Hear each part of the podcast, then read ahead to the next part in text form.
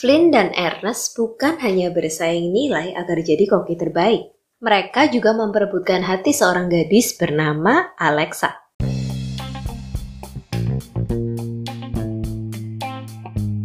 Hai kawan, selamat datang kembali di duniaku. Hari ini aku akan melanjutkan kisah Flynn and Ernest Pastry Problem. Kita telah memasuki chapter yang kedua, Snow. Selamat menikmati.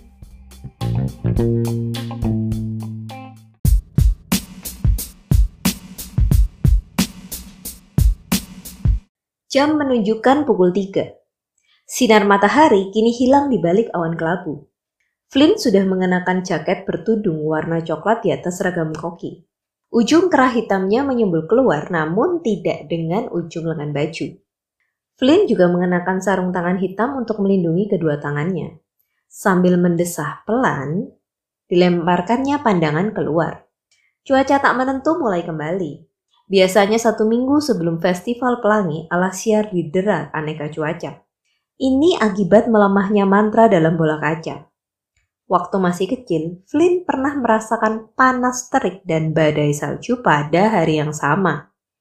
Hal itu bisa kembali terjadi hari ini. Sebelum berangkat pagi tadi, Flynn melihat perkiraan cuaca pada tiang pengumuman. Di sana diumumkan kemungkinan turun hujan salju hingga besok siang. Sambil membawa tas selempang, Flynn pun meninggalkan kelas bersama teman-teman lain.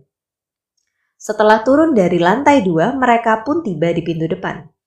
Flynn berhenti di dekat pintu depan ketika melihat seorang gadis berjalan padanya. Gadis itu punya rambut pendek hitam seperti miliknya. Matanya besar dengan bola mata kebiruan. Bibir mungil dan tebalnya membentuk senyum khas. Gadis ini satu angkatan dengan Flynn. Namun sayangnya jarang sekelas dengan Flynn. Hai Alexa, Flynn melempar senyum balasan. Flynn, ku dengar kamu membuat lemon meringue pie yang luar biasa lezat sampai Pak Simon ketagihan. Aku dengar dia memuji masakanmu di ruang guru. Flynn mengernyit. Benarkah? Kupikir dia bilang pie buatanku kurang manis. Aku heran kenapa pria kurus dan ubanan sepertinya bisa jadi koki spesialis makanan penutup. Dia membuat banyak kue manis dan cantik sebanyak yang dia makan. Entah dari mana semua ide itu datang dan ke mana semua kalori itu pergi. Aku iri padanya. Alexa melirik Flynn ketika dia melanjutkan. Aku jadi penasaran pai seperti apa yang dia coba hari ini. Pak Simon bukan orang yang suka memuji dessert orang lain, kan? Flynn tak bisa menahan senyum terkembang lagi di wajahnya. Akan kubuatkan khusus untukmu. Satu loyang utuh. Alexa langsung tergelap. Satu loyang? Aku akan langsung jadi bundar.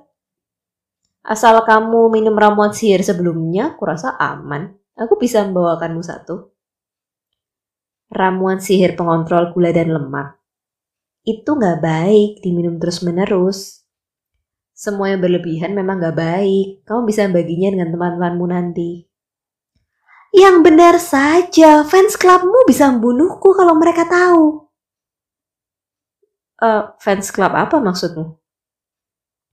Jangan pura-pura nggak tahu. Banyak siswa tingkat pertama yang terkesan denganmu. Uh, maksudku terkesan dengan pidato penyambutan dan masakan buatanmu.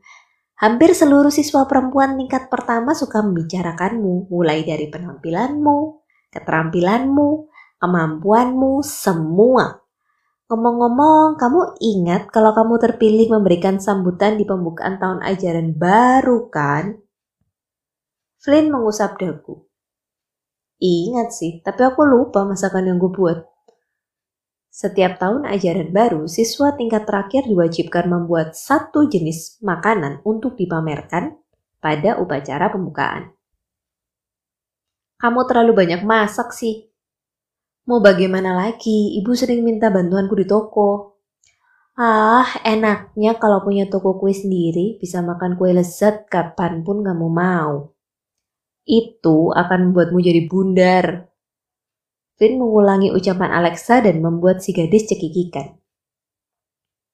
Kemudian Alexa melihat keluar pintu kaca dan mulai menyadari butiran putih turun dari langit. Loh, itu apa? Salju? Serius? Sejak pagi tadi sudah ada pengumuman soal hujan salju. Ada di mana-mana loh. Setiap pengumuman penting akan muncul pada tiang papan pengumuman. Tiang setinggi 3 meter ini biasanya berdiri di sudut jalan ramai. Mereka menopang bingkai besar berisi kaca tebal. Tulisan pengumuman pada kaca tebal dikontrol dengan sihir dari kantor wali kota. Isi pengumuman bisa diubah kapan pun mereka mau, praktis dan selalu tepat waktu.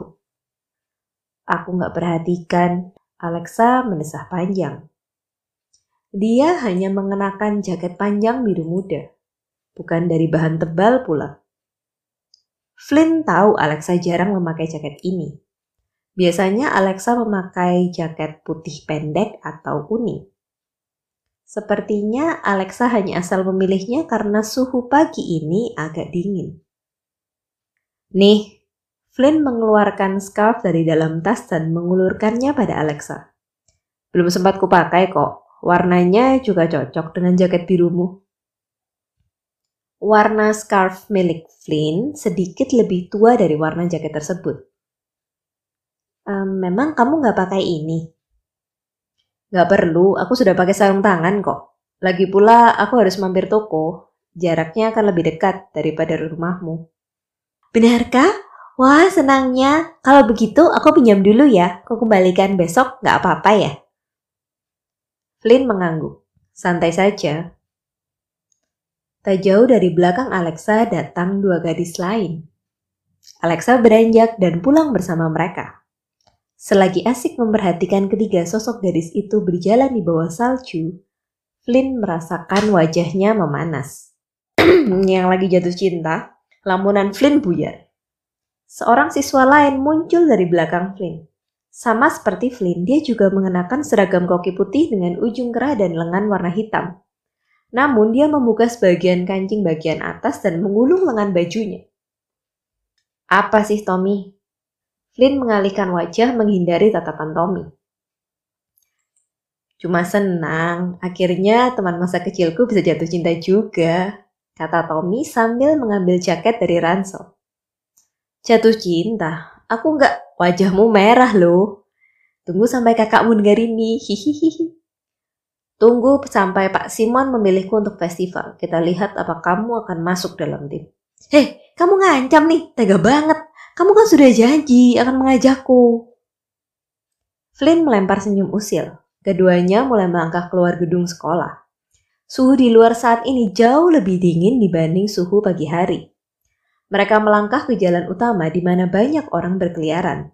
Sebagian berjalan, sebagian terbang. Tak jarang hewan peliharaan mereka ikut terbang pula. Perjalanan udara memang lebih cepat dibanding darat. Dewan Sihir sudah menerbitkan aturan detail bagi para penyihir yang ingin melakukan perjalanan dengan sihir terbang. Kalau tidak, bisa terjadi banyak kecelakaan. Misalnya saja minuman tumpah atau lebih buruk lagi. Ketika Flynn ikut berbelok kiri pada perempatan di depan, tahulah Tommy kalau Flynn akan pergi ke toko keluarganya. Ibumu minta dibantu lagi, sekarang dia memang minta aku ke toko setiap hari, Flynn menjelaskan. Buat apa? Pelajaran tambahan? Uh, mungkin alasan itu juga, tapi alasan utama sih karena mereka ingin mengembangkan menu baru. Lemon meringue pie yang bisa membuat penikmatnya jatuh cinta? Hah? Kalau bisa membuat yang seperti itu, aku tahu siapa kelinci percobaan pertamanya. Sembarangan, sihir dan ramuan mengubah perasaan orang itu termasuk ilegal loh. Tokoku nggak mau cari masalah. Meski begitu, Flynn tetap tertawa kecil karena celotehan Tommy. Ibu ingin aku mengembangkan menu coklat. Ya, nggak seru. Ngomong-ngomong, cuma perasaanku atau nafasmu terdengar berat ya. Jangan tumbang sebelum festival loh. Gak akan deh, tenang saja. Mereka pun berpisah. Setelah beberapa menit berjalan sendirian, Flynn berhenti di sebuah toko besar selebar 24 meter dengan tiga lantai. Dindingnya dicat putih gading dengan aksen coklat serta dihiasi kanopi merah. Melalui jendela-jendela tinggi terlihat banyak orang berlalu lalang di dalam. Selamat datang di toko roti dan kue keluarga Flynn, as the house. Sampai di sini dulu ceritanya. Sampai jumpa di episode selanjutnya.